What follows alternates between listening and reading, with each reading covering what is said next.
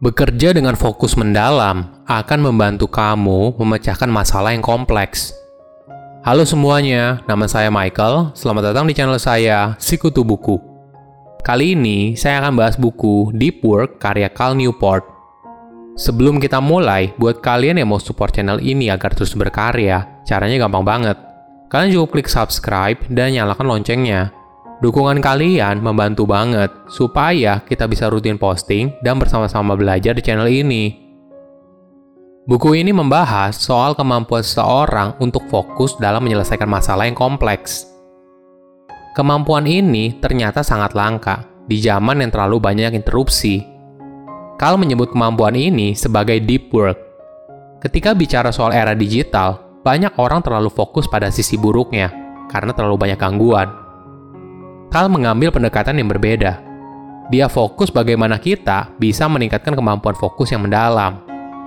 Di bukunya, Kal menjelaskan kalau deep work ini bukan hanya bagi orang tertentu, tapi bisa dilakukan oleh semua orang. Kamu juga bisa menggunakan kemampuan ini untuk menyelesaikan masalah yang rumit dan memberikan hasil yang luar biasa. Saya merangkumnya menjadi tiga hal penting dari buku ini. Pertama, shallow work versus deep work. Kebanyakan orang lupa caranya untuk fokus secara mendalam saat mengerjakan suatu hal. Awalnya, kamu harus membedakan dulu mana shallow work dan deep work. Sederhananya seperti ini. Shallow work adalah pekerjaan yang tidak butuh pemikiran yang dalam, sifatnya administratif, dan bisa dikerjakan sambil melakukan hal lain. Sedangkan deep work adalah pekerjaan yang butuh pemikiran yang mendalam dan butuh konsentrasi penuh. Perbedaan antara shallow work dan deep work bisa juga dilakukan dengan beberapa pertanyaan. Apakah pekerjaan ini membutuhkan perhatian penuh? Apakah pekerjaan ini membutuhkan keahlian khusus atau pengetahuan khusus? Apakah pekerjaan ini memberikan dampak yang besar?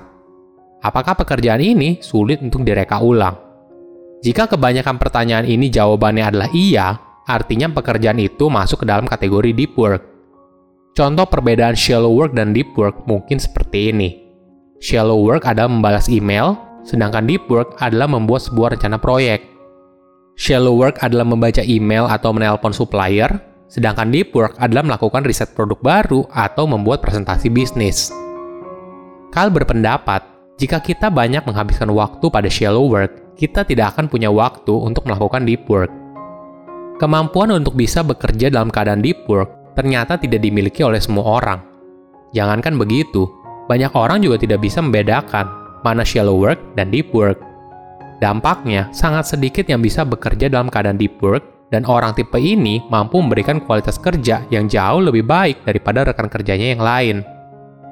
Bagi kamu yang ingin melakukan deep work, ada empat aturan yang bisa kamu praktekkan. Pertama, fokus pada hal yang super penting. Ketika kamu memulai untuk melakukan deep work, kamu harus bisa menentukan tujuan penting apa yang harus kamu capai dalam deep work. Tulis tujuan yang paling besar agar kamu tidak mudah terganggu. Kamu juga bisa menggunakan sticky notes untuk menuliskan prioritas utama supaya kamu tidak lupa. Kedua, kerjakan apa yang bisa kamu ukur. Kal menjelaskan ada dua indikator untuk mengukur produktivitas, lag measure dan lead measure. Lag measure adalah hasil dari kegiatan yang dilakukan dan tidak bisa secara langsung dipengaruhi. Sedangkan lead measure adalah sesuatu yang diukur saat dikerjakan dan bisa langsung kita pengaruhi. Contohnya seperti ini. Lag measure adalah berapa banyak view yang bisa saya dapat dari video ini. Sedangkan lead measure adalah berapa lama waktu yang saya habiskan dalam membuat video ini. Kita harus fokus pada lead measure, karena ini adalah hal yang bisa kita pengaruhi hasilnya seperti apa. Saya kan tidak bisa memaksakan berapa banyak view dari video ini, tapi saya bisa pengaruhi berapa lama waktu yang saya habiskan untuk membuat video ini.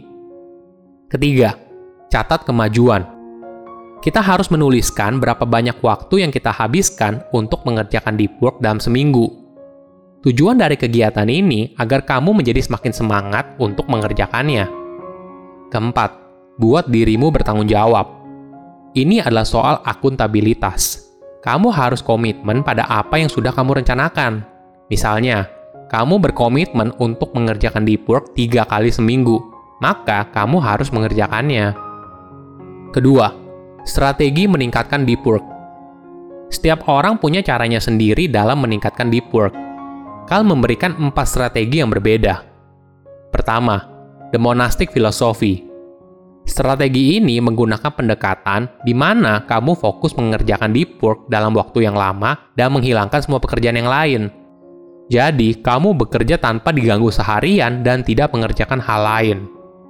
Kedua, the bimodal philosophy.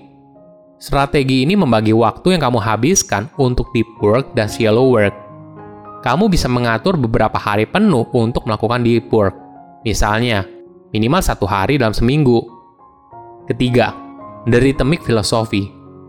Strategi ini fokus untuk memasukkan deep work ke dalam jadwal harian kamu, sehingga kamu bisa konsisten menjalankannya sebagai sebuah kebiasaan.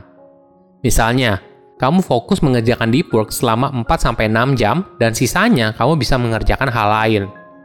Keempat, the journalistic philosophy. Strategi ini paling fleksibel. Kamu tidak perlu menuliskan kapan kamu melakukan deep work, tapi, ketika kamu punya waktu yang kosong, kamu bisa menghabiskan waktu tersebut untuk melakukan deep work. Setiap strategi tentu saja punya kelebihan dan kekurangannya. Sebagai contoh, the monastic philosophy tentu saja merupakan strategi yang paling tinggi dedikasinya. Tapi sebagai gantinya, kamu harus bisa mendedikasikan waktu yang cukup lama tanpa diganggu.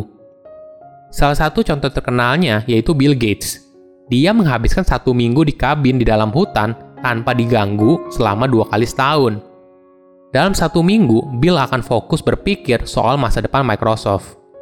Kalau zaman sekarang, kita sering lihat kalau banyak perusahaan mengadakan retret tiga hari bagi para eksekutifnya.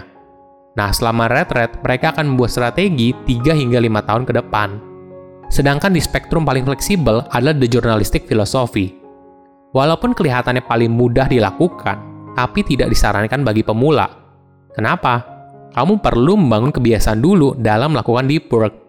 Baru kemudian kamu bisa melakukannya dalam periode yang singkat. Ketiga, latihan deep work. Ada tips menarik yang diberikan oleh Carl untuk melatih deep work. Tips ini dinamakan productive meditation. Jadi, kamu menggunakan waktu ketika kamu sedang melakukan kegiatan fisik untuk kegiatan deep work. Contohnya seperti ini. Ketika kamu sedang lari pagi, menyetir, mandi, atau bahkan mencuci baju, daripada kita melakukan kegiatan fisik itu sambil dengar lagu atau telepon, bagaimana kalau kamu menghabiskan waktu tersebut untuk berpikir hal yang kompleks? Ternyata, latihan ini berguna sebagai kesempatan untuk berlatih deep work. Tips lain tidak kalah penting adalah, deep work itu bukan berarti overwork. Kualitas deep work juga ditentukan dari kualitas waktu yang kamu sisihkan untuk berhenti. Sebagai contoh, Walaupun Kal adalah seorang profesor dan penulis buku, dia punya komitmen hanya bekerja di hari kerja saja, dari jam 9 pagi hingga 5 sore, dan tidak bekerja ketika weekend. Saat Kal tidak bekerja, dia membiarkan pikirannya untuk beristirahat. Waktu istirahat ini ternyata punya peran yang sangat besar dalam memberikan dia kejelasan ketika melakukan deep work di hari kerja. Kebanyakan orang sibuk melakukan shallow work, tapi tidak meluangkan waktu untuk mengerjakan deep work.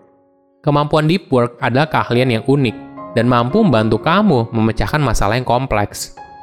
Silahkan komen di kolom komentar pelajaran apa yang kalian dapat ketika baca buku ini.